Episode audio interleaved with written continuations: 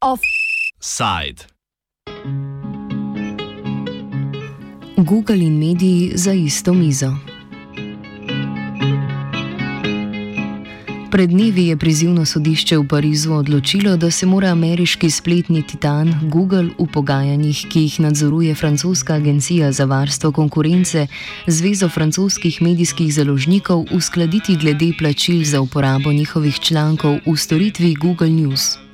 Če namreč v Googlovem iskalniku kliknemo na kategorijo novice, se nam ne bodo prikazali le naslovi člankov o našem iskalnem pojmu, ampak tudi kratki izseki iz njih. Evropske medijske hiše imajo od marca lani v rokavu močnega aduta v obliki nove evropske zakonodaje o avtorskih pravicah. Francija je bila prva, ki je evropsko direktivo uveljavila v svoji zakonodaji, zato se je tudi prvi precedenčni sodni preizkus nove zakonske ureditve zgodil prav v Franciji. Pomen sodbe razlaga Aurore Raux, strokovna sodelavka Združenja evropskih medijskih založnikov News Media Europe. So, um, the French case is the news for European press publishers, and we very much welcome the recent decision of the Paris uh, Court of Appeal. Uh, it has a lot of important implications. Um, first of all, because it confirms that Google does not sit above the law and must push efforts for good negotiations and honest remuneration proposals. Um, but it's also the confirmation that press content has value, and that's super important. Spremembe zakonodaje o avtorskem pravu v medijih je uvedla Evropska direktiva, ki je bila sprejeta lani. Prva jo je lanskega septembra implementirala Francija, v drugih državah, tudi v Sloveniji, pa se to še ni zgodilo. Reforma je takrat sicer naletela na precej nasprotovanja, predvsem zaradi 17. člena, ki upravljavcem spletnih strani nalaga odgovornost za vsebine, ki jih naložijo njihovi uporabniki. V primeru YouTube so to naprimer video vsebine, ki jih nalagajo uporabniki. Drugi člen, ki je bil deležen veliko pozornosti, pa je 15. člen. So basically, the new European Copyright Directive in its Article 15 recognizes press publishers as rights holders in the online world, meaning that they have ownership over their content and they're entitled to ask for remuneration for the reuse of their content online. So, concretely, it asks online intermediaries such as search engines and news aggregators like Google to ask for authorization for the reuse of press content. And then press publishers are entitled to either authorize or not authorize for the reuse of their own content. 15. člen ločuje med avtorskimi pravicami novinarjev, se pravi avtorjev člankov, in avtorskimi pravicami založnikov. Agregatorji novic naj bi založnikom plačevali tako imenovani davek na članke, torej bi plačevali povezavo do novic. Ta sredstva naj bi se stekala predvsem k založnikom, ki imajo do člankov tako imenovano sosedsko pravico. Basically, copyright is the author's right. and the neighboring right is the right of the press publisher. It's uh, basically the recognition of the um, financial and um, organizational investment that the press publisher makes into the content. So this is another layer of right on the content. You have the author's right, and then you have the first publisher's right. V Silicijevi dolini, kjer ima sedež Google ob sprejemanju takšne evropske in podobne avstralske zakonodaje in podobne v Avstraliji, niso sedeli križem rok. Google je sicer zelo dobičkonosno podjetje, njegov lanski dobiček je znašal približno 30 milijard evrov. A hkrati je ta dobiček odvisen od minimizacije stroškov in monetiziranja vsebin, ki jih Google pridobi za ston. Hkrati pa je Google tudi tekmec medijskih podjetij na oglaševalskem trgu. Tako Google kot mediji namreč živijo od oglaševalskega denarja, zato je to v resnici boj za kose iste pogače.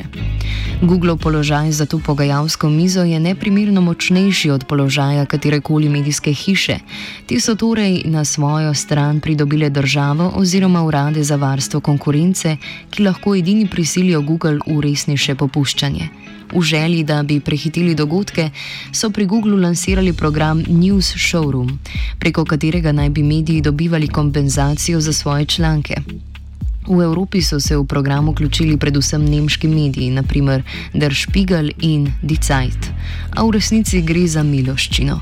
Okrogla milijarda dolarjev, namenjena vsem svetovnim medijem, bo razdeljena v naslednjih treh letih in pod pogoji, ki jih določa Google sam.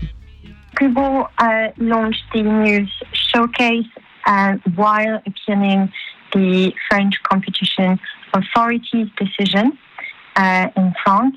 Uh, in our view, this is extremely interesting. That shows that the launch of the news showcase is quite a strategic uh, business decision. So understand that the intention of the news showcase is to release a certain framework for cooperation designed by Google itself, not by the copyright law. And that means having already made terms and conditions and based on a take it or leave it approach. Sodba francoskega sodišča Google ne nalaga zgolj plačila denarja, temveč tudi dostop do podatkov, kar je resnična valuta kibernetskega sveta, ki mu želi vladati Google. Sveta. In France, the competition authority asked Google to enter in good faith negotiations. And good faith negotiations could only happen if Google was more transparent.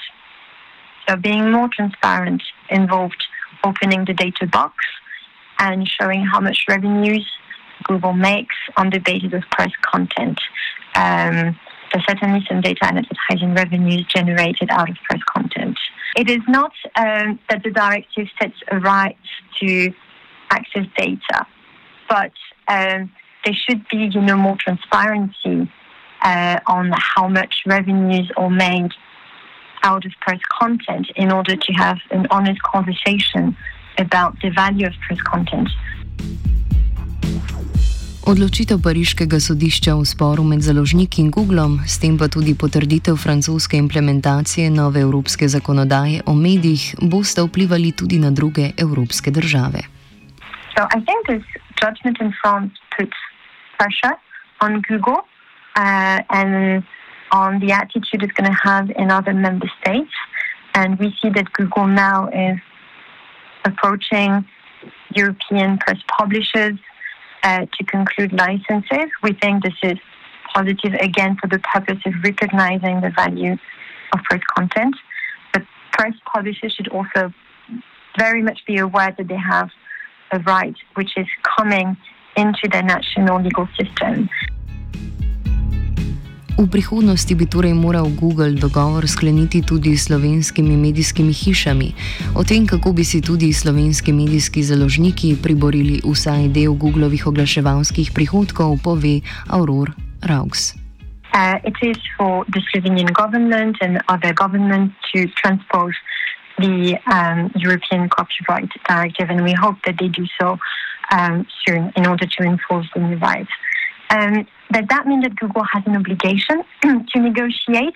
Well, normally, yes. I mean, the Copyright Directive um, asks for uh, online intermediaries to ask authorization to publishers. So if you are required to ask authorization, normally you have a conversation uh, with the other party and you start negotiations. Uh, then it is at press publisher's discretion uh, to grant or reject this authorization. But of course, uh, only good negotiations could happen on the basis of equal bargaining power. Google je lani, ko je bila sprejeta nova francoska zakonodaja o avtorskih pravicah v medijih, poskušal napeti mišice in je v Franciji za nekaj časa umaknil storitev iskanja po člankih. Pogajanja z založniki naj bi bila tik pred objavo sodbe že pri koncu, sedaj pa se bodo očitno še zavlekla.